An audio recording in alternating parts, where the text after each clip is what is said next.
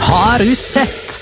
Det har blitt spilt 19 La Liga-kamper siden sist vi var i studio, og på den tiden har historiens yngste spiller debutert. Et skadeavbrekk på tre år er endelig slutt. Benzema har endelig lært hvordan Guti hæler en fotball, og Barcelona Ja, hva holder Barcelona på med, egentlig? La liga loca. En litt gærnere fotball. Ja, ja, ja, ja, ja. Dette er La Liga Loca episode 122 med Jonas Giæver, hei. Jo. Petter Veland, hei. Hallo! Og Magnar Kvalvik, hei. Hei, Magnar. Shalom, Magnar. Er det noe spesielt vi skal si før vi går i gang? Ja, så jeg ikke glemmer det. Eh, jeg skulle bedt om å gi en shout-out til eh, Pasha, som jeg trodde het Basha, som heier på Real Madrid. Han møtte jeg på et utested på lørdag og var veldig veldig stor eh, fan av podkasten vår. Og samtidig også til den meget hyggelige guttegjengen på nedre, nederst i uh, ja, nederst på Grünerløkka, som hylte Mukhtar Jakabi etter meg da jeg var på vei oppover Markveien. Takk til dere også. Den er fin. Kom dere på Kveldsnytt? Nei, jeg tror ikke Mukhtar vi fortjener det, altså. Nei, jeg bare tenkte på at eh, det var så mange folk ute på byen i Oslo i Ja, helge, det og det. Kveldsnytt og ja, generelt NRK Nyheter dekker det omfattende. Ja, men de, Men du holdt deg meters avstand og sørga for at uh, uteplasser i Oslo kan ha åpent til klokka tre framover òg. Jeg, ja, selvfølgelig er du Jonas gæren. Giæver han sørger for at uh, utested, i hvert fall det utestedet kan uh, holde stengt resten av året uten noe konkurs. De som vet, de vet. Men folkens, fortsett med det. Ser dere Jonas? Rop Mokhtar Diakabi. Slenger dere på Eliaki Mangala i tillegg, Mangala, tror jeg, så må dere, rett må dere ta dere for. Ja, Det kan fort være at jeg faktisk kommer på eh, Kveldsnytt eh, et par ganger da, hvis de fortsetter å gjøre det. Ja, men vi går i gang med runde nummer 32. da. Jeg er klar over at runde nummer 31 har blitt spilt siden sist, men den, eh, den er historie, for å si det sånn. Det er lenge siden. Det er veldig lenge siden. Runde 32 starta med Sevilla Valladolid 1-1. Fire strake uavgjort for Sevilla. Eh, Og her holdt de jo på å tape etter at Kiko Oliva sendte Valladolid i ledelsen. Lucas Ocampos utligna på straffe i det 83. minutt og var ganske sur når han ble bytta ut kort tid etterpå. Sevilla er nummer fire, bare tre poeng framfor formsterke Villarreal. Um, Valladolid er for øvrig uavgjort-mesteren med 14 denne sesongen, så det måtte vel egentlig bare bli uavgjort eh, denne kampen her. Jeg merker meg nå at halvparten av La Liga-laget nå har tosifra antall uavgjort denne sesongen. Jeg føler det er ufattelig mange uavgjort, men det slår jo fortsatt ikke forrige sesong. Da, hadde, da endte 15 lag på tosifra antall uavgjort. Det er en trend som har blitt starta, jeg vet ikke hva som skjer. Jevn liga, da, vet du. Kompetitiv, heter det. Og spennende. Alle kan slå alle. Alle kan slå alle. alle kan spille uavgjort mot alle. Atletic Mallorca 3-1. Um, Hei, enkelte eliteseriekamper har jo blitt vist på spansk TV denne sommeren. Lurer på om Atletic så Kristiansund mot Ålesund for ei drøy uke siden. Ja, Det kan man jo faktisk begynne å lure på, for den innøvde varianten der ble, ja, det ble sist sett eh, i Kristiansund. Ja, var ikke det Amal Pellegrino som skåra på den eh, corneren? Nå var det eh, Sanset da, for Atletic. Eh, Altså- 19-åringen skåra sitt første. La Liga, altså, La Liga sitt svar på Kristoffer Aasbakk, Liridon Kaludra og Amal Pellegrino er jo da altså Unai Lopez, Inyaki Williams og Oyhan Sanset. Så det er liksom den. Da er den murt. Da er den sementert. Eh, skal vi se Uh, Ja, Atletic er jo det laget som får flest straffespark i uh, La Liga. Mallorca er blant de lagene som gir fra seg flest, så dermed fikk selvfølgelig Atletic straffespark her. Raúl Garcia skåra på sju av sju straffer denne sesongen. Syns det er ganske kult. Så jeg har ikke lyst til å si noe om Via Libre, sier jeg ikke er så glad i han. Han skåra jo òg. Han har skåra tre mål på sine 400 minutter, han i La Liga. Jeg tror du har fri bane til å gå ut neste kamp. Hey. Men vi må gi en liten hyllest eh, til egentlig Asier Via Libre og det han kan gi denne podkasten de kommende årene. Jeg syns han ser veldig spennende ut. Og ikke minst eh, hans eh, tilstedeværelse, utseende, skjegg, det faktum at han blir kalt for Buffaloen. Altså, Det der er en mann vi kommer til å bli forelska i de neste årene. Er det noen som husker Nei, han ble ikke kalt for bøffel, han ble kalt for Bisonoksen. da. Dario Hubner, gamle tunge spissen. Altså i Sampdoria og litt sånn. Nei, sånn typisk sånn der, tidlig, nei, sent 90-talls, tidlig 2000-talls angriper i Kan han Serie ha A. vært i Sjalke òg? Mulig. Dario Hubner satt og røyka på benken for kamper og sånn. Grusomt uh, kul spiller. Han var, kalt- han var Bison, da. Eller Bisonoksen, så da får vi håpe at uh, Via Libre, som blir, blir Buffaloen, kan gjøre noe lignende. Uh, med det skjegget uh, så ser ikke Via Libre 22 år gammel ut, men det er han altså. Han er faktisk det. Eh, Neste kamp, Celta Vigo Barcelona 2-2. Et smart frisparktrekk først av Messi, som første til at Suárez sendte Barcelona i ledelsen. Fjodor Smolov, eh, som har skåra to mål denne sesongen, det er mot Real Madrid og Barcelona. Han utligna altså for Celta Vigo. Før Luis Suárez skåra nok en gang til 2-1, og så skåra selvfølgelig Iago Aspas på et nydelig frispark. For Celta Vigo, som akkurat nå ser ut til å være så gode som vi trodde de skulle være hele denne sesongen. Eh, Suárez sine to mål var deres eneste to skudd på mål, for øvrig, til Barcelona. da. Det, og Dette her betyr at Barcelona ikke har klart å slå Celta Vigo i begge seriekamper siden 13-14-sesongen, og at de nå er to poeng bak Real Madrid på tabellen. Med, Før du sier mer om det siden. Ja, er mer om dette senere. Eh, Aspas han sa jo også det at han eh, hadde studert Ja, måten eh, Barcelona har satt opp mur, og hvordan altså at Ter Stegen veldig ofte tar eh, hva var det han sa? At han, at han tar et lite sånn her, jeg, hjelpesteg. altså Han hopper litt. Han jukser! Mm, Nei, ikke nødvendigvis, for hvis han hadde juksa, så hadde han jo nådd fram. Ja, men det er juksing uansett. Men, eh, og, og samtidig så var det vel også Sergio Gonzales. eh, Jeg kunne jo tatt dette i forbindelse med Sevilla Valladolid for de eh, hadde jo òg identifisert hva som var det store trøbbelet til Sevilla, og det å forsvare seg på defensiv dødball, spesielt på, på corner og frispark, eh, som jo er defensive dødballer. eh, Smør på flesk.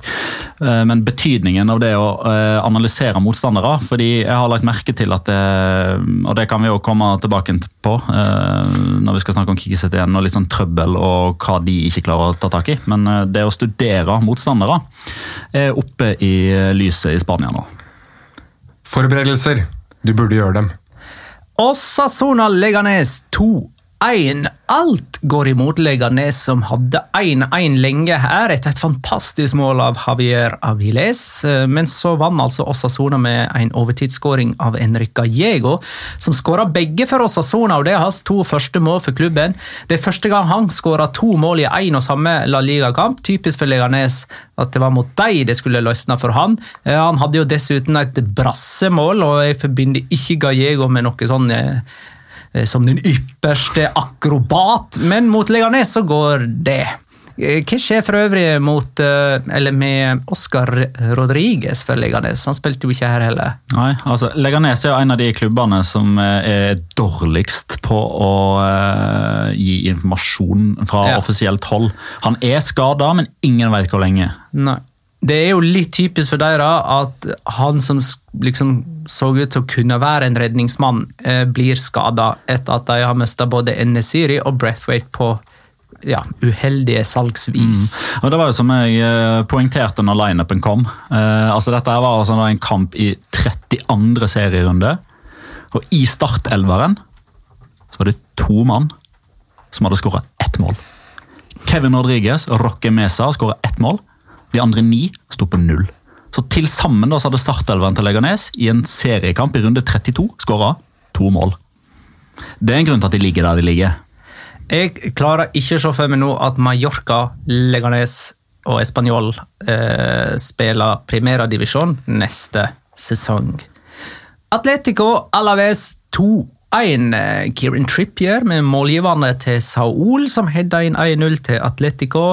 Så kom eh, Diego Llorente inn og skaffa straffe, som Diego Costa skåra på. Den straffen så veldig billig ut, spør du meg. Der trodde jeg faktisk at videodommer skulle gripe inn. Jeg skjønner at du sier Diego Llorente for han har vært involvert i masse straffespark. Men denne gangen så var det Marcos. Llorente. Marcos. Llorente Ja. heter han. Diego Ren- Llorente spiller på Real Sociedad, han, eller? Og kommer til å lage straffe i kveld òg. Nei, han han ikke, han er suspendert. Han er er- fordi han lager straffer hele tida.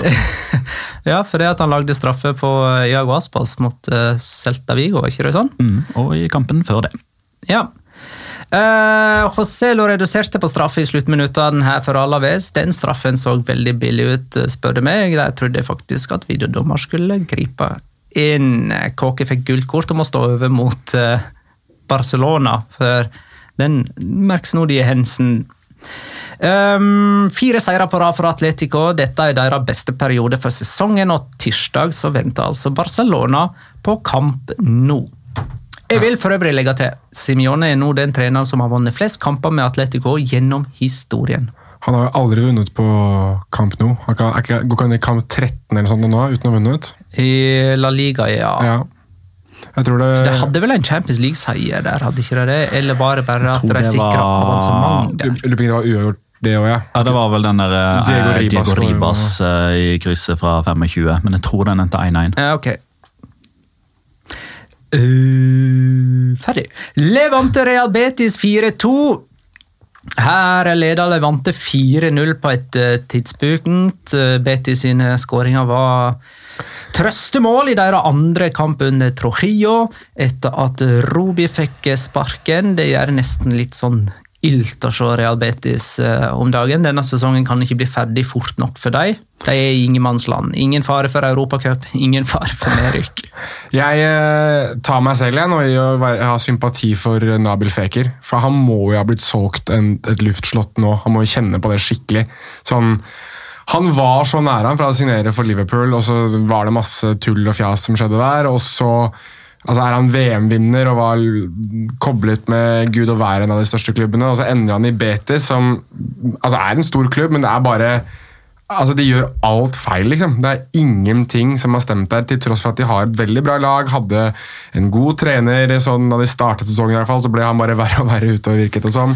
Nabil Feker har blitt bedre og bedre utover sesongen, og er vel egentlig den som tidvis bærer i hvert fall det offensive til Betis på skuldrene sine.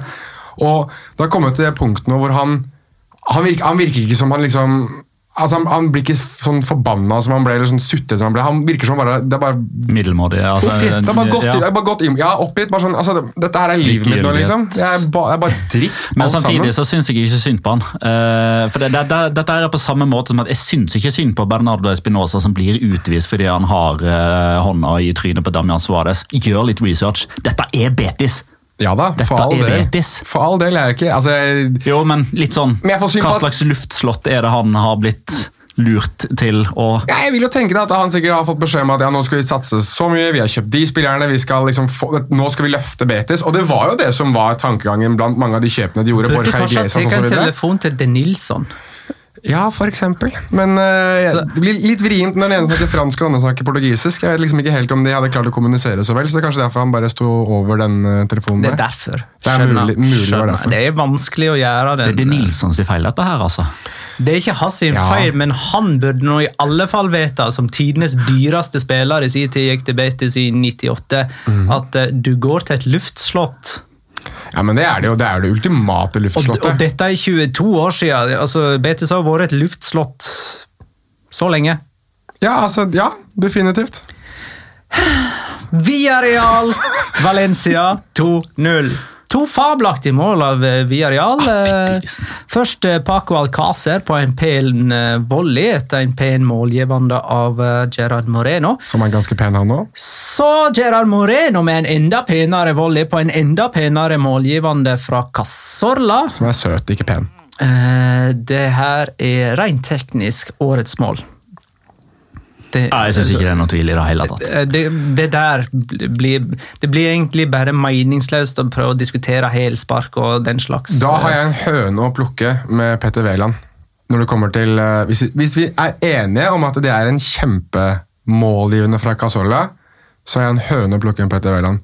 Jeg husker fortsatt, eh, ikke sist som sommeren for der vel, da vi var på Norway Cup, husker du det? Da vi var og så Leganes sitt guttelag på Norway Cup. Ja. Da kjørte jeg en lignende variant til deg. lignende, ikke like bra teknisk. Og da fikk jeg beskjed om at det var den beste, dårligste touchen du noensinne hadde sett. Og jeg sa jeg mente det, og det trodde ikke du på. Men så har du sittet og så waxed lyrically over det der Casola-greiene, selv om jeg gjorde nøyaktig det samme. Ja, men Spilte du for eller mot Leganes? Ja, jeg, kunne, jeg har sikkert ikke gjort det så veldig mye verre enn det. Mariana. Eller var det når vi drev og leka med en ball på den ene ledige banen? Det var nok- bak, det var nok det, ja. ja. Altså føler jeg at bevisbyrden er litt tyngre på deg enn på Santi Casola. Med tanke på liksom Dette Var dette med vilje eller ikke? Dette Du har ikke sett meg leke meg på Rema-taket. Legendariske Jonas Giæver. Jeg er sånn der, jeg er sånn The Streets Will Never Forget-spill. Tilbake nå til Villarreal Valencia. Uh, Valencia står uten en eneste avslutning på mål de siste to seriekampene. Vi må snakke mer om Valencia senere Men- i episoden. Men bare Og for da uh, eh, er det faktisk Mangala-forbud og Diakaby-forbud. Ja, og- Men uh, det er, jeg må bare få skutt inn at selv om jeg Mangala ble utvist mot Eibar, og derfor spilte ikke han denne kampen. ja, Fantastisk. Jeg håper ikke han spiller noe mer resten av livet sitt i Valencia.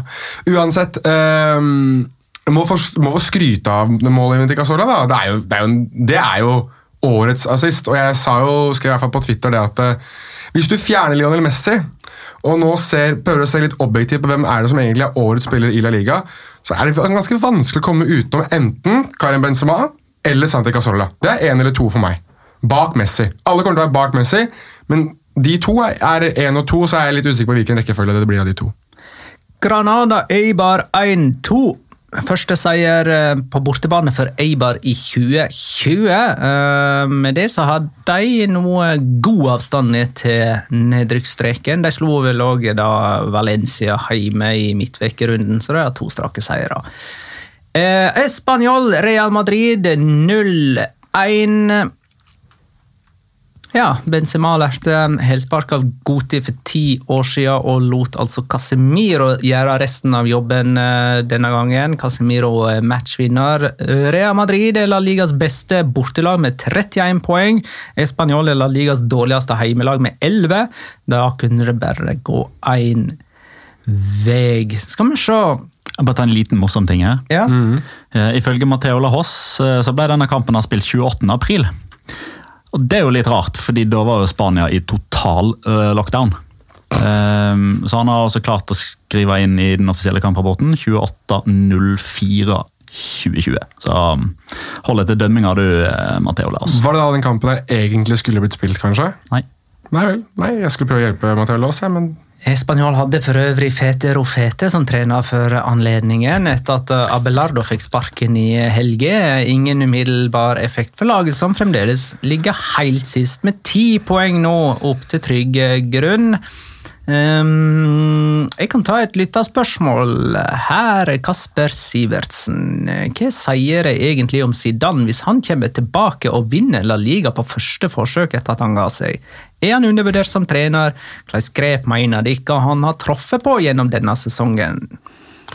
hadde jo en, øh, hadde muligheten i hvert fall til å få tilbake sikkert en, en del av mentaliteten og troa i det når de fikk den lille pausen sin. da. Og det var jo, Jeg tror at Real Madrid er kanskje De har vunnet alle fem. Ja, men jeg, jeg synes at de ser freshere ut. Jeg, da. Altså, det er et eller annet med Real Madrid som ser friskt ut. Det, jeg finner ikke et bedre begrep enn det, men de ser ut som de har brukt den perioden godt på det å komme tilbake igjen som gruppe. Jeg tror kanskje vi har, vi har snakka om eh, Zidane sine grep før, men, eh, og da kanskje nevnt det som jeg nevner nå, nemlig at han har vært flink til å bruke mange spillere. Sånn, så, Ja, sånn at eh, når Ed Hazard virker ganske av det, Gareth Bale virker ganske av det, så har han fortsatt ganske gode alternativ. Ja, Det er jo også det Real Madrid kanskje har som ikke noen andre i ligaen har. At de har en, en tropp der nummer to og tre ikke er spesielt mye dårligere enn nummer én. Um, jeg tror at de kanskje er den hva angår kvalitet som har mest av det i troppen sin. Bredden er jo mye større enn i Barcelona sitt tilfelle, som jo Mm. Ja, på mange ja. måter nå Det blir jo litt sånn i retrospekt, men vi advarte jo mot dette her i, i januar og i begynnelsen av av februar, når Barcelona lot så mange A-spillere og potensielle B-lagsspillere som kunne ta steget opp, at de lot så mange av de gå på slutten av vinduet. altså Carles Pere som ble leid ut, eh, Abel. Ruiz som ble leid ut, Todibo ble leid ut. Det var jo mange flere òg. Alenya. Alenya. I hvert fall fem-seks mann ut i, i, januar. og På det tidspunktet så hadde de jo òg skadetrøbbelet på Dembélé og Suárez. Førstnevnte er jo ikke klar igjen ennå. Um, men samtidig så er det litt sånn ja, jeg er helt enig i at Zidane er flink til å eh, jeg, treffe på lagoppstillinger osv. Han får jo resultatet her, fem av fem eh, seire etter eh, koronapausen. Men hvis man hadde satt opp en eh, tabell eh, der målet var å gjøre flest endringer fra kamp til kamp, så ender Real Madrid på nedre halvdel. De gjør færre endringer enn de fleste andre lag, og mot Español så gjorde Zidane det samme som mot Valencia, kun to bytter. Alle andre lag, i nesten alle tilfeller, bruker alle fem. Dette er andre gang i løpet av de fem eh, kampene at eh, Zidane kun gjør to bytter. Det var Rodrigo og Venicius som kom inn. Så Samtidig så klarer han liksom å holde, uh, holde det liksom på tå hev. Jeg var helt sikker på at Sergio Ramos skulle stå over den hjemmekampen mot Mallorca, som egentlig ikke betydde noe som helst etter den smellen han fikk mot Real Sociedad, når han gikk ut med skade kne mot kne, eller hva det var for noe. Men det... de har jo vært kritiske til det fysiske arbeidet de har gjort tidligere, når de var så skadeplaga. Jeg veit ikke om de har gjort noe annerledes, eller om det har kommet inn noen. Eh, eller om de har gjort noen endringer som har noen betydning for dette. Men eh, det er åpenbart at det fysiske står eh, veldig mye høyere i kurs, og at de får mye bedre resultater nå. Og så er det òg, som vi har vært inne på ganske mange ganger, livet etter Cristiano Ronaldo ser liksom bedre ut nå, med at de har forstått hvordan de skal erstatte de 50 målene. Eller rettere sagt, de skal ikke erstatte de 50 målene, de skal fjerne 30 baklengs. Mm. Ja, viktig faktor. De har ikke sluppet inn så få mål på 32 år. Nei, og Dette er den nest beste defensive sesongen til Real Madrid i La Liga-sammenheng noensinne. De har holdt nullen i 16 av 32 kamper. Flinke. Thibaut Courtois er i ferd med å bli den øh, er vel første eller andre Real Madrid-keeperen på 26 år som kjemper om uh, Samora-trofeet. Casillas vant til den bare én gang, tror jeg. Mm. Og om du fjerner 30 av Cristiano Ronaldis sine mål, så kan du jo fort likevel få like mange poeng. Det var jo mange sånne 3-0, 4-0, 5-0-skåringer han hadde. Um, Benzema, da. Det jeg så dere har skrevet veldig av han uh, på sosiale medier i går, dvs. Si Twitter. I alle fall ja, det fins bare ett sosialt medie. Ja, inne på MySpace og skrev noen uh... Jeg er opptatt av LinkedIn-profilen min med, med Petter Mustafa Veland. Men hadde Oi. ikke han en ganske ja. formidabel kamp mot Español på uh, eh, RCD, RCD, Stadium i fjor òg? Altså i forrige sesong? Mener jeg du, Jonas, satt og så den i Valencia. Ja, vi gjorde det. Mm. Uh, men jeg husker ikke helt uh, hvordan den endte. Uh, men jeg husker, var i Rosales hadde sånne perler eller ja, et eller annet. Det hadde han. Satt, som var et trøstemål. Satt på en sånn dårlig bar. Men da mener jeg å huske at Benzema var formidabel. Så jeg er jo fortsatt litt sånn usikker på stabiliteten hans. Ja. Men nå i sommer så har han jo vært meget god. Og jeg har ikke lyst til å liksom reita hælsparka hans opp mot Goti sitt for ti Det er god nummer to. Eh, det, er selvfølgelig eh, Hvis man skal snakke opp en Semasi, da, eh, så er det at han slår tunnel i tillegg. Det gjorde jo ikke Goti. Som en fin liten skru. Og, og, dessuten så var ikke Benzema sjøl i en posisjon til å skåre. Han spilte faktisk en medspiller fri, mens Goti sin var en showcase. Ja, altså, inn, altså innrømma Benzema og et etter kampen at han ikke så Casemiro, men han hørte han. Så det var jo litt sånn uh, vi, skal, skal, på ingen måte snakke ned dette, her, fordi det er en helt fantastisk målgivende. Hadde det ikke vært for Santi Casola, er Santi Casola, så hadde dette vært, årets assist, men han blir nummer to. Uh, men altså, hælklakk med tunnel. altså det, det, blir jo ikke stort bedre, så blir den helt avgjørende òg, fordi det er på 1-0 i en kamp som ender 1-0. Og så er, er, han på vei vekk fra mål, han er på vei, på vei ned mot dørlinja. Jeg, jeg, synes at rent estetisk så har jeg Benzema foran Guti. Men så skjønner jeg at det er fotballromantikere der ute som tenker den der showcase, du kan score, men du spiller altså Det er mer den der fotballromantikerens egen tanke. Jeg tenker mer personlig på at det er mer overraskende at Goti gjør det. Mens det- Benzema jeg, altså, som, som du sier, han er på vei bort fra mål. Altså, skal det bli mål et par sekunder etter den involveringa til Benzema, så har han bare én ting å gjøre, og det er å få den ballen bakover. Men du setter også en høyere standard til at Benzema skal kunne klare å gjøre noe slikt enn jeg tror man noen gang gjorde med Goti. Fordi at han var en, han var en luksusspiller i, i, på sin måte. Karismatisk, ja, men han, han var liksom galaktikito. Han var ikke den største av dem, men hadde liksom øyeblikk her og der, og selvfølgelig så opphøyde man det litt mer. Men jeg ja, Det blir liksom litt grann som det er vaniljeis med sjokoladeis. Du vil ha begge Ikke deler. pistasjen. Han hadde to Ja, godt, det eh, lekre hælsparker sist i sin tid, eh, Goti. En mot Ja eh, Sevilla Sevilla, og et par år før. Det er mange Men- som mener at den er enda bedre enn den mot uh, Deportivo la Coronia. bare for å ha skutt inn det. Men nå leder Real Madrid med to poeng ned til Barcelona, og det virker nesten som eh, man har delt ut eh, La Liga-trofeet til Real Madrid. Skal vi spekulere litt i hvor Real Madrid kommer til å avgi poeng nå de siste seks kampene? De, de, de, de kommer til å avgi poeng. Ja. Altså, ikke, Så- ikke tenk tanken engang om at Real Madrid kommer til å vinne elleve kamper på rad. Det har ikke Og de de i har igjen seks kamper. Det er hjemme mot Getafe først, borte mot Atletic, hjemme mot Alaves. Hvor mange poeng der? Avgir de. Nei, Der avgir de maks to. Ok. Eh, ja. avgir to poeng mot uh, Getafe, da? Nei, borte mot Atletic, tenker Ja, jeg du tror kanskje? kanskje det er borte mot Atletic. Søndag denne veka. Der har de jo òg klaga sin arme nød om at de, de får så lite hvile. eh, i så Ja, det er torsdag til søndag. Det, Ja, men det er torsdag kveld til søndag formiddag. ja, det stemmer. Det er. det. Er som gjør de litt irriterte. Altså, glemmer de at de har hatt langt mer hvile enn Barcelona fram til det tidspunktet. Og så har de Granada borte, Villarreal hjemme og Leganes borte. Ni poeng. Ja, den siste der eh, De får de nå tre poeng. poeng. De avgir ni poeng. ja. de, poeng. Ja. Nei, de tar ni poeng.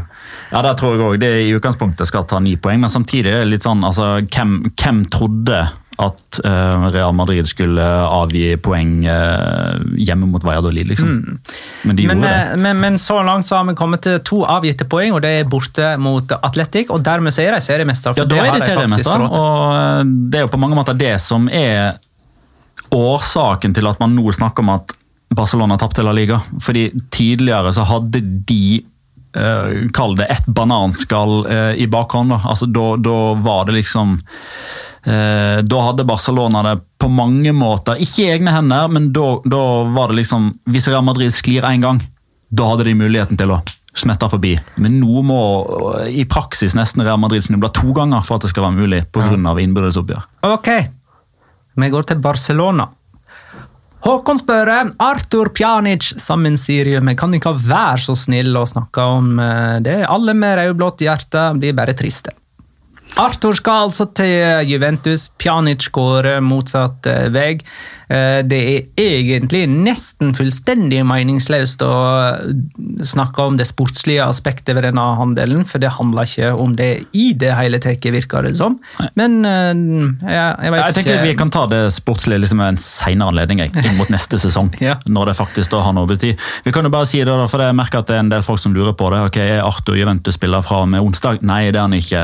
Arthur blir i Barcelona ut sesongen eh, og skal forsøke å vinne La Liga og Champions League med de, mens eh, Pjanic da skal forsøke å vinne Champions League og trygge inn Serie A-tittelen med Juventus før de bytter. Men det er jo som du sier et eh, økonomisk insentiv og desperasjon som er årsaken til at denne avtalen har kommet. På samme måte som at vi òg for et år siden satt og klødde oss litt med hvorfor bytter de bare keeper Neto Neto Sildesen og sender 35 millioner euro hver vei. Det er akkurat samme nå. Ja, men skal vi ta veldig kort detaljene i det, og hvordan det der funker? Det er vel uh, Ja, vi kan jo gjøre Altså, det, det som er, ja. vi- altså, jeg skjønner Mange henges på en måte opp i at det er 10 millioner euro der imellom, som eh, liksom uh, At uh, Arthur er 10 millioner dyrere enn Pjanic, men de pengene teller nesten ingenting. Det er liksom det faktum at man betaler hverandre 70 og 60 millioner euro som er det helt avgjørende her. La oss ta for eksempel, Hvis man kjøper en spiller for 50 millioner euro og signerer en 10, nei, femårskontrakt med den spilleren, da fungerer det sånn at man kan budsjettføre det som 10 millioner euro per år han har kontrakt. Ja. Mens hvis man selger en spiller for 50 millioner euro, da kan man budsjettføre de 50 millioner euroene som inntekter i det året det blir solgt. Ja. Ergo så har man da tjent 40 millioner euro det budsjettåret. Selv om man har solgt en spiller for 50 og kjøpt en spiller for 50. Det blir på budsjettposter en stor, stor forskjell. Og Det er det Juventus og Barcelona har gjort akkurat nå. og Det som er viktig for dem begge, er å få den avtalen i boks innen tirsdag 30. juni. Eh, fordi at da slutter budsjettåret. Men jeg tror det er, det er vel det at, det av, at Barcelona var avhengig av å få solgt Arthur før eh, man går i nytt budsjettår. Jeg tror ikke Juventus er like avhengig av det andre veien. Nei, det kan Nei, dette er først og fremst Barcelona. Ja, ja, ja. så, så den overgangen nå altså i, I det vi satte oss ned for å spille inn dette, så ble jo Arthur bekreftet, men Pjanic er ikke bekreftet ennå. Så den blir nok bekreftet. Nå er, jo, nå er det jo i, altså i, hermetegn, i boks for Barcelona sin del, mens de skal jo kjøpe da Pjanic for 60 millioner. Og så er det de 10 millionene som er liksom mellom det, altså det som er eh, verdiforskjellen på de to. da. Ja, Det er jo det Barcelona har argumentert for. at uh, Sportslig så er ikke det sikkert at det er så mye som skiller Arthur og Pjanic akkurat nå, men pga. aldersforskjell Ja. eh, så er Arthur mer verdt. Gi oss 10 millioner i kalde overskudd. Og det har Juventus sagt ja til. Naturligvis. ha, sånn har jo faktisk Barcelona-ledelsen drevet på i noen år. Ja, De gjorde jo det med Neto og Sillesen for et år siden òg. Men det, det er først nå det blir så åpenbart, da, for det at du, du ser liksom ingen sportslig argumentasjon for en sånn handel. Nei, og så er det òg eh, nå- skal ikke vi bli den eh, norske eh, Swiss Ramble-podkasten som bare eh, jeg, oversetter det de skriver. Jeg anbefaler alle å lese eh, på Twitter-kontoen Swiss Ramble, altså sveitsisk eh, Ramble. Eh, hva er Ramble, Jonas? Rumble in the jungle. Nei, rumble med A. Eh, pjatt, liksom. Eh, snakk. Ja.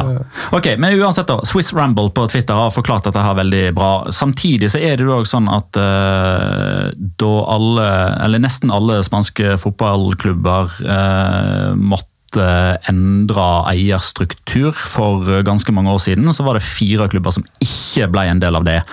Barcelona, Osasona, Atletic og Real Madrid, som er eid av presidentene, holdt jeg på å si. Der eh, noe av eh, det som er konsekvensen av å ha den eierstrukturen, eh, altså man har Sothios som er deleiere som blir med på å bestemme, på sett og vis, det er at den som er president til enhver tid må kunne garantere for eh, økonomien til klubben, eller styret da, må eh, kunne stå personlig ansvarlig hvis man eksempel taper penger. Eh, Dette er også veldig godt forklart av Diana Christine, altså at Diana Christine, for de som har lyst til å lese mer om det. Dobbel N. Dobbel N, riktig. Eh, og det er jo den bakenliggende eh, årsaken til at Bartomeu og resten av styret velger å gjøre dette. her. Det er ikke nødvendigvis fordi eh, de er redd for at fotballklubben Barcelona skal gå noen kroner i underskudd. Det er fordi de ikke har lyst til å stå personlig ansvarlig for å dekke tapet, som de faktisk må gjøre, hvis de ikke hadde fått inn disse 70 millioner euroene innen 30. juni 2020. Og det er først til neste år at det er presidentvalg i Barcelona, sant? med Victor I Font. utgangspunktet så er det det. Mm, og det er jo, sånn som jeg har forstått det, så er jo Xavi veldig på Victor Font sin side i den Ja. eh, Ja, og jeg legger merke til at Xavi nå er ute og snakker. Og jeg syns det er veldig interessant. Ja, og det kan vi kanskje ta seinere en gang. En annen gang. Ehm, Nei, det må vi ta i dag, for vi skal jo snakke om Kikki igjen, skal ikke vi det? Ja, Vi kan godt snakke om Kik Setien. Det er greit. det. Mikael Bjerkan skriver kan vi innrømme at Setien ikke var problemet i Real Betis, men er han problemet i Barcelona? Vi kan vel innrømme at Valverde ikke var problemet i Barcelona heller.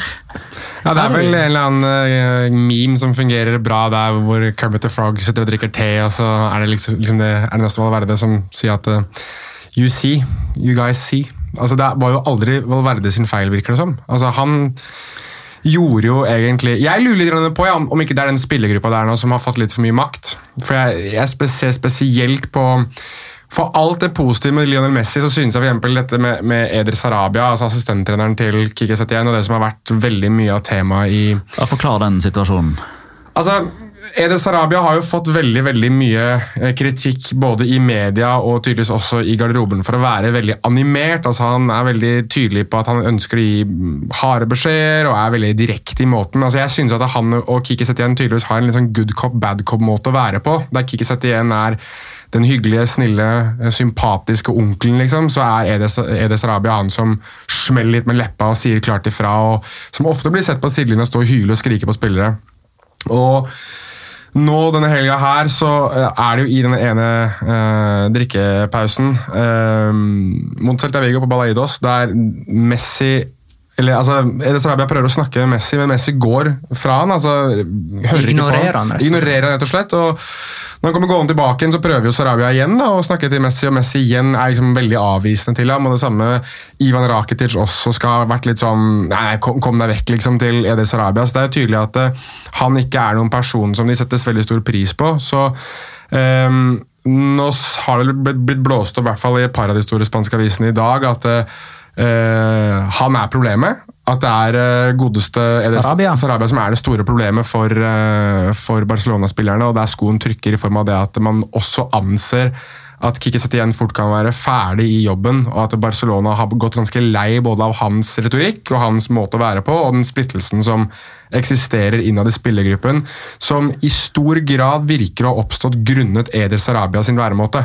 Og Derfor syns jeg det er veldig interessant å mene at vi må snakke om Xavi nå. For Jeg syns ikke det er noe som helst tilfeldig over timinga på uttalelsene hans når han igjen nå er ute og sier at drømmen hans er å eh, trene Barcelona. For det er jo sånn at eh, folk snakker sammen. Eh, Xavi kjenner masse folk i Barcelona. Han har bortimot daglig kontakt med flere spillere som han spilte sammen med i sin tid.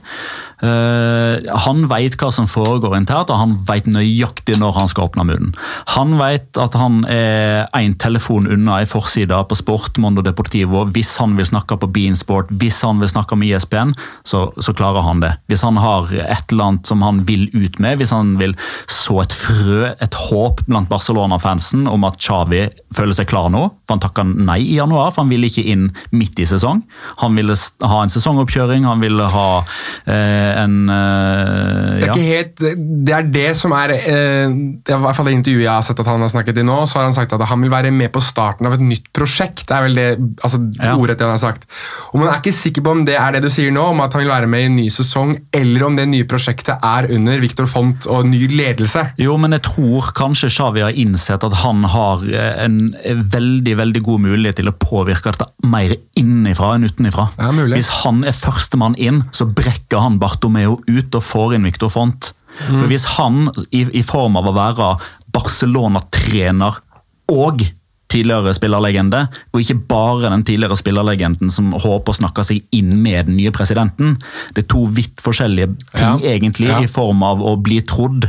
Eh, har han en agenda, eller har han ikke en agenda? Hvis Xavi snakker som Barcelona-trener og tør å ta kampen mot Bartomeo Men selvfølgelig, Ja. det er jo noen som har ansett Xavi òg.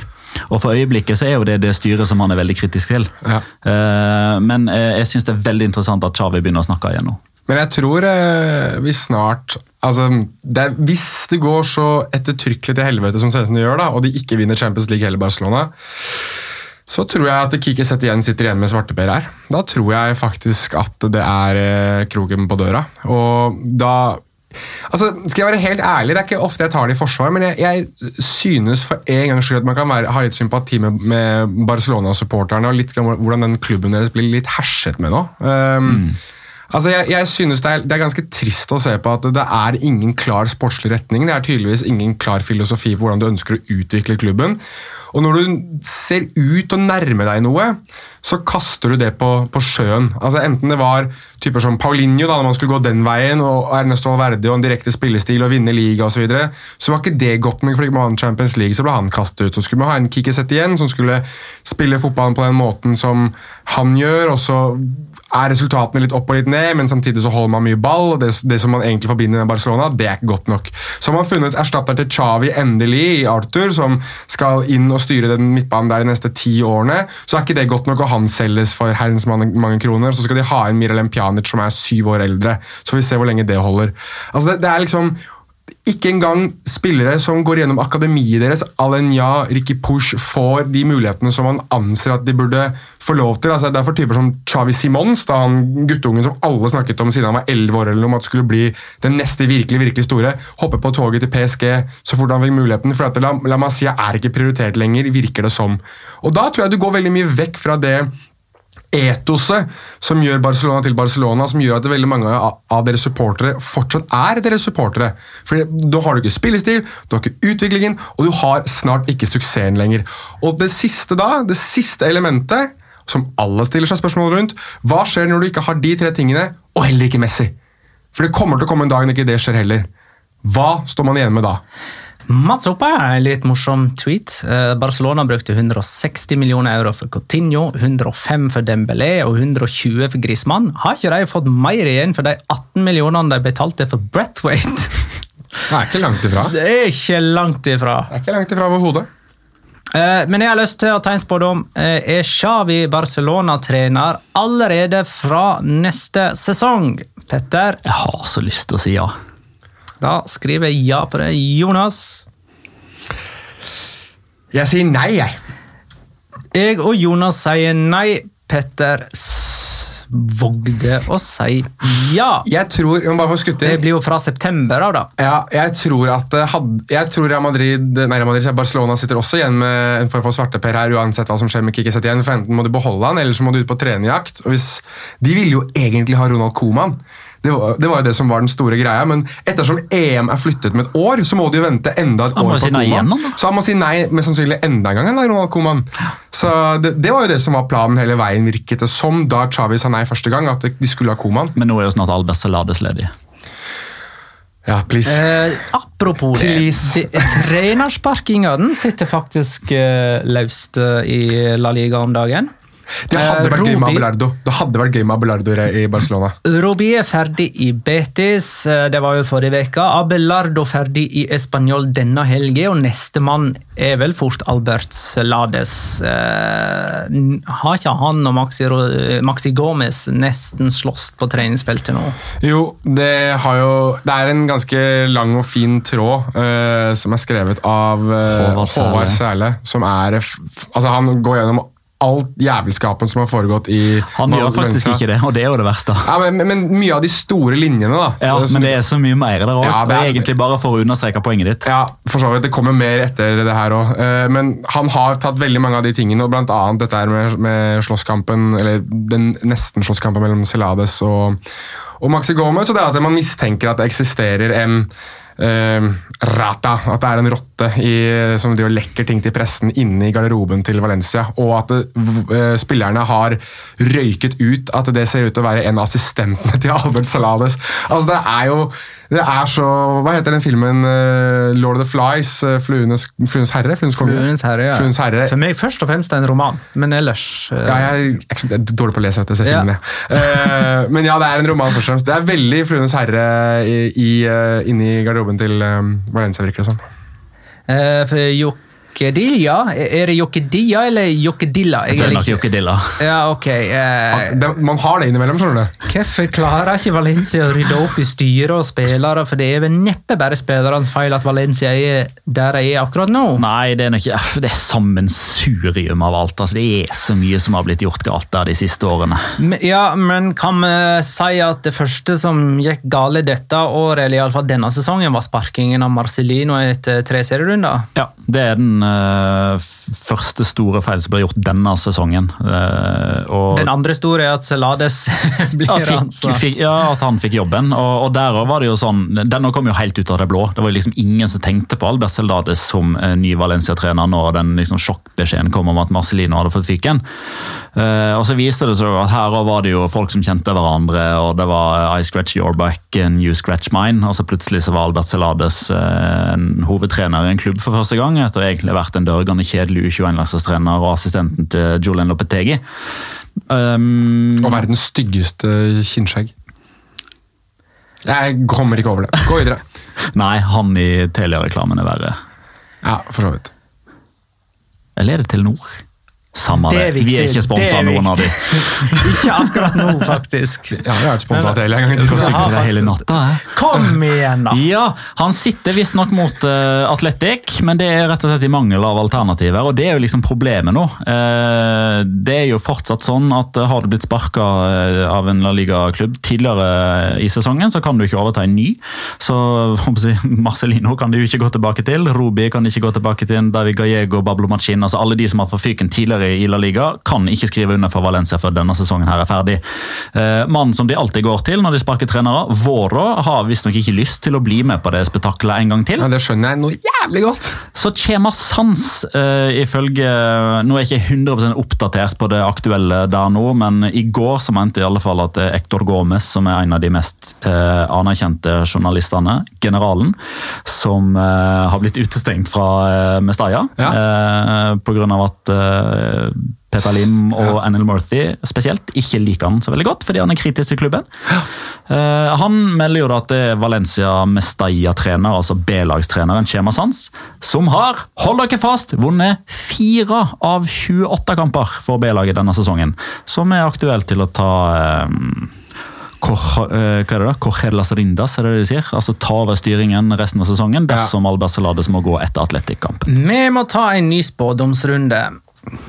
Ja, Eh, Den som tar over på Mestaja. nei, det jeg skal spørre om, er hvem er Ernesto Valverde trener for når neste sesong sparker i gang?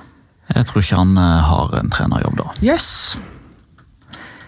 Jeg sier eh, Real Betis, for moro skyld. Jeg sier faktisk Valencia. Og Jonas sier Valencia. Og jeg skal, si Valen jeg skal si hvorfor jeg sier Valencia. Det er jo, Nummer én er jo fordi han har erfaring og har vært der før, så han vet jo litt mer hva han går til. Helt enig. Men han har også, ifølge en rapport jeg leste tidligere i dag, vært observert på husjakt i Valencia. Og nå er Valencia et fint sted å bo, men hvorfor skal Jeg du være der? mitt svar til Valencia. Hvorfor skal du være der hvis du Altså, Du har bodd der før, du vet hvordan det er der. Det er ikke noe sånn at du trenger å titte på hus hvis ikke du har en tanke Vet rundt du, hva som skal vet du hvem jeg tror er Valencia-trener kommende sesong? Eller håper. Igjen så belager jeg meg på håpet. Skal du si um, Mauricio Pellegrini Nei, Mauricio, sier. Emanuel Pellegrini? Nei, det hadde jo ikke jeg syntes hadde vært noe gøy. Mauricio Porcino, da, eller? Nei. Kom igjen, da! Unai Emery! Det skjer det bli nok ikke. igjen? Det skjer ikke. Uh, Petter sier at Valverde trener ingen eh, La Liga-klubber til neste sesong. Jeg og Jonas sier Valencia. Ja, One Emery, det er en kul Men sånn hvor han kan ende opp Han hadde jo vært typisk hvis han dro til Betis. Nei, Bare- sør nå jeg skifta tilbake til Real Betis. Det er mye kulere. Jeg svarer Real Betis. Ok, Stakkars han neste år. Trenger ikke det tullet der, han. Kom hjem til Mestalla. Vi må snakke litt om dette med spillerkontrakter. For det at, eh, ja, Når vi sitter i studio, så er det mandag 29. juni. eh, Og dagen etter så er det 30. juni. eh, Og dagen etter der så er det 1. juli. Og da er det mange kontrakter som har gått ut.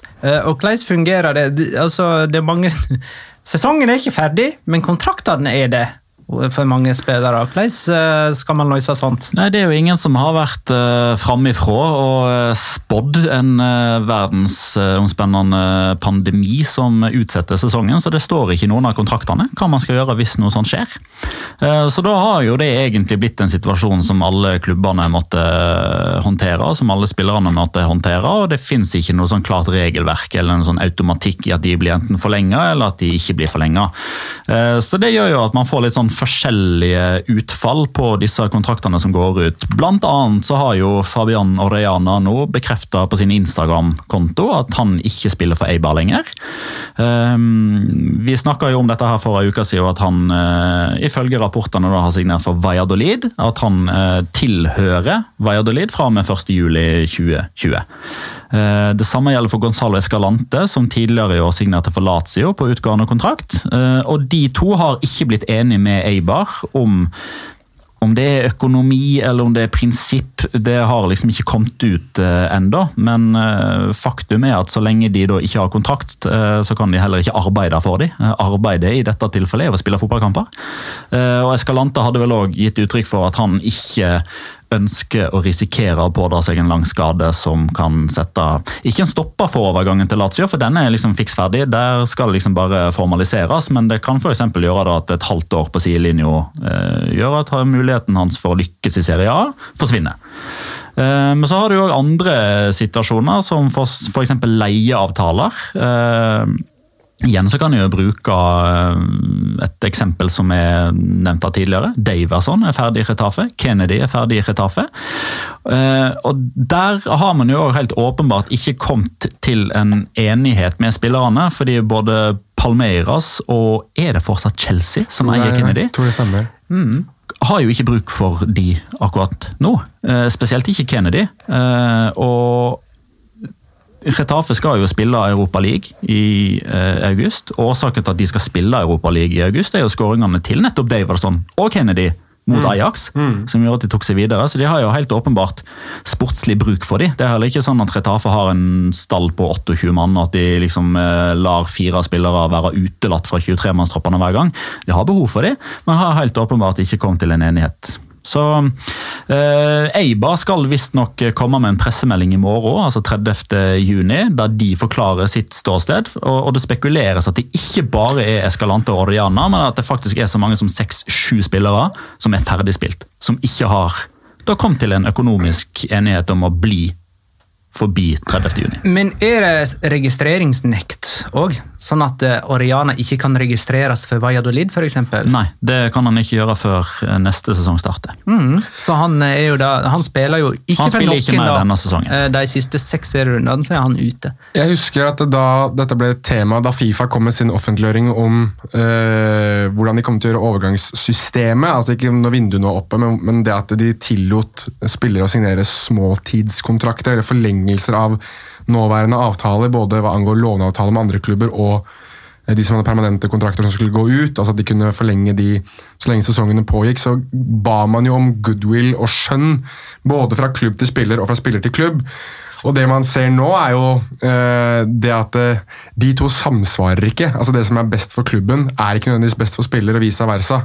Som regel. altså Spesielt i tilfeller med klubber som Eibar, da, som har Faben Oriano som er tilgjengelig for klubber som kanskje kan betale bedre, eller som kan gi han en, en sportslig utvikling. Da. Jeg mener, Med all respekt Eibar, å gå fra uh, Eibar til, til, Lazio er en ganske stor overgang. og Da skjønner jeg hvorfor Gonzales Calante ikke har lyst til å si at nei, men jeg tar resten av sesongen i Eibar og potensielt skader meg. Jeg skjønner det veldig, veldig godt, men jeg tror For å ta et annet eksempel. da, jeg tror det er enklere for Real Sociedad å holde på Martin Ødegaard, eksempel, som også vel er en del av dette her, hvor han potensielt må gå tilbake til Real Madrid hvis ikke Real Madrid og Real Sociedad blir enige om en forlengelse av den avtalen. Det er jo kommet noen bekreftelse på det ennå. Man forventer jo at det skjer, men vi vet jo ikke ennå. Um, og der, jeg tror at en sånn uh, deal klubber imellom er mye enklere å komme til enn klubb spiller på permanente avtaler. Um, så jeg, jeg, regner med at du kommer til å få se flere tilfeller. Nå husker jeg ikke i farta om det er veldig mange andre veldig profilerte spillere som er på utgående nå. Ja, men det er en litt spesiell situasjon, da. Uh, jo, men det er likevel noe vi må sagt, være litt obs på. Han har vel sagt at han skal komme med en eller annen form for bekreftelse snart, han òg? Har han ikke sagt det? At han skal offentliggjøre hva han skal gjøre videre? Uh, Men uh, har vi nevnt at Arthur skal spille ferdig sesongen for ja, Barcelona? Det, det sa vi, ja. Yeah. Og Han uh, jo snakka til spillerne tidligere i dag på trening så vidt jeg forstod, og, og, sa at han kom til å gi liksom 100% For det var spekulasjoner om at han rett og slett kom til å takke nei til å spille Eh, resten av sesongen i Barcelona, som en slags protest for den behandlingen. Ja. Men det, det, men, det, er også noe man har muligheten til å gjøre. Det er også viktig å skyte inn. Det er også noe som Fifa har vel kommet med sin bekreftelse da dette skjedde. at Hvis spilleren ikke ønsker å spille etter en overgang eller kontraktstiden går ut, så står ikke klubben i posisjon til å, å forlange at de skal bli værende. Det gjør de ikke, men du kan ikke registrere dem. så det er jo Veldig dårlig sammenligning, men jeg skjønner hva jeg mener. Dette er litt som prostitusjonsloven i Norge. Du kan, du kan selge sex, men du kan ikke kjøpe sex. Nå er det tid for Locora. Det var Locoraen. Eh, men jeg skulle si noe Nei, Nei nå er det tid for Locora! Ukens La Liga Locura. Locura. Locura. La Liga Locura. Noen som har lyst til å begynne? Jeg har ikke noe mer om prostitusjon, hvis det er det du Nei, på. det var bra. Det var bra. Eh, nei, jeg, eh, jeg vet ikke om noen andre har, eh, har Ettersom det har gått to runder, så er det jo Vi må jo nesten eh, bare ha nevnt Luca Romero, synes jeg. Eh, fordi det er jo ikke hver dag man har den formen for eh, histori historie i, i spansk fotball. Det er en 15-åring, altså 15 år og 219 dager var Luca Romero da han ble byttet inn for Mallorca mot Real Madrid. Eh, og Petter Avel fortalte før at han er født i Spania. Mexico. Altså. Født i Mexico. Han er født i Mexico, men han har Har argentinske argentinske aner eller Ja, foreldre, foreldre. Og bor i Spania. Så han er Fra han var tre år bodde han i Spania. Han bodde i Spania. Så han har spilt for noen meksikanske U-lag, men han kan fortsatt representere Spania og Argentina samtidig. Altså Han kan velge en av de tre. da. Det er fantastisk. Det er tre nasjoner som alltid er i VM, og tre nasjoner som alltid er i enten Gold Cup eller Copa America eller EM. Men veldig kjapt bare om, om uh, Luca Romero. Uh, han ble jo født da 18.11.2004. Og det, er da, kommer, det skjer etter at Hellas vinner EM. Det skjer etter at Wayne Rooney blir Manchester United-spiller. Det skjer etter at José Mourinho vinner Champions League i Porto. Det skjer etter at Real Madrid-midtstopper i denne kampen Sergio Ramos signerer og debuterer for Real Madrid. Så Sergio Ramos hadde spilt for Real Madrid før Luca Romero ble født. Og for å skyte inn enda en ting som er eh, ganske vilt med Luca Romero Han er kanskje 15 år, men den sveisen hans den er mer eh, 40-50 år. Altså for den sweet ass mulleten der den nikker Nicky MacGyver anerkjenner til. ass. Det er altså bitchen mullet på godeste Luca Romero. Den Sist sett på Richard Dean Anderson der, Den, altså. er, den mulleten er sterk, ass! Hæ? Du og meg, Magnar, som ikke har hår, vi har lyst på det håret der, ass. Det er det jeg holder på å jobbe med nå. Ja, Eh, Altså den der Bitchen out, ass. 80-tallsretroen trodde jeg faktisk forsvant det året han ble født i 2004. For da var liksom 80-talls... Den var, var forsvunnet ti år før det! Den mulleten er så sweet! Nei, altså 80-tallstrenden forsvant jo på 90-tallet, men så Ja, fikk han en retro tiåret etter. Men dette er retro på retroen, det da. Ja, det blir jo nesten det. Jeg tenkte at nå er jo 80-tallsretroen ferdig for lenge siden, men han prøver tydeligvis å vekke den til liv igjen. Men, men jeg må bare si det at navnet Luca Romero Det høres ut som en som kommer til å bli en stor fotballspiller. Det er sånn ordentlig sånn Petter, Ja. Um, Celta Vigo Barcelona skal vi tilbake igjen til. Eh, og det er jo selvfølgelig den der situasjonen eh, helt på tampen der Nolito ikke klarer å skåre på en helt sånn eh, Altså Det er en så stor målsjanse at du vil ikke tro det. og det er på stillingen 2-2. Det er på stillingen 2-2. Um, og det i seg selv er jo liksom en locora, men den, den hadde vært litt kjedelig hvis det bare var liksom en brent mulighet. Det som gjør den litt spesielt, er jo at uh, Nolito ble jo presentert som Celta Vigo-spiller tidligere denne uka. der. Han debuterte kampen før, ja. eh, men han ble jo intervjua i forbindelse med denne presentasjonen, og i og med at neste kamp var mot Barcelona.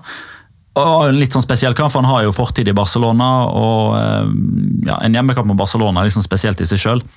Han fikk spørsmål om hva slags forventninger han hadde til kampen. Og Dette her er jo overskrifta til Sport, eh, som da valgte å skrive en artikkel om denne presentasjonen til Nolito. Eh, og Jeg leser, Jonas, og du oversetter. Firmo sin duda el empate ante el Barcelona. eh, Ja, jeg tar et uavgjort mot Barcelona. Og sånn gikk det. Å ja, ja, ja. Ja, han, Ja, han det holder han- sin ord. Altså, hvis han hadde skåra på den 100 på 300% sjansen, så hadde de jo vunnet. Men nei da. Tre dager før kampen så sa han at han tar uavgjort mot Barcelona. Ja, så han passet på at det ble for sine ord. uavgjort. Ja. Nei, Yes. ja, sånn, ja. Jeg tok ikke helt uh... Nei, men den er, jeg er veldig med deg på den. Det er uh, godt at et troll i ord fortsatt eksisterer. Jeg går tilbake til midtvekerunden, som eh, ja, blir fra knapp uke siden, der Inyaki Williams spilte sin 150. strake La Liga-kamp for eh, Atletic mot eh, Barcelona. Det var tirsdagen. Han har ikke stått over en eneste La Liga-kamp siden april 2016. Og det er nesten den rake motsetningen til Bruno Soriano, som ikke har spilt en La Liga-kamp på tre år siden mai 2017, og endelig kom tilbake med et innhopp mot uh, Sevilla. Og bli skada som 33-åring og være ute i tre år og gjøre comeback som 36-åring. Uh, jeg tror mange hadde kasta inn håndkleet. Ja, jeg tror um, uh, Altså, nå har jo Villarreal blitt den, kanskje den klubben som Nesten som en sånn zombieoppstandelse hva angår eh, vekke de døde til live igjen i Santa Casolla, Sergio Senjo og Bruno Soriano. Men jeg tror at hvis du skal ha én sånn liten, e lite eventyrs, uh, liten, eventyrsfortelling fra denne sesongen, så må det være at Bruno Soriano faktisk snøret på seg fotballskoene igjen og faktisk til og med vel fikk gul kort i sin første kamp tilbake igjen for en ganske sen takling, sånn egentlig. Og takket vel både én og to spillere, uh, blant annet en av sine egne. Så Overtenning og innbytterpuls uh, har han sikkert hatt de siste tre årene, så vi må nesten tillate ham det. Men, men uh, fantastisk å ha ham tilbake igjen, så vi se om, om det blir noe mer etter denne sesongen. Vi må tippe. Forrige kamp vi hadde, var Celta Vigo Barcelona. Der tippa jeg 1-2, og Nolito som første målskårer. Det er null poeng på meg, jeg står med 27. Petter hadde 0-4 med Messi som første målskårer. Hadde 0 poeng. 26 poeng har du.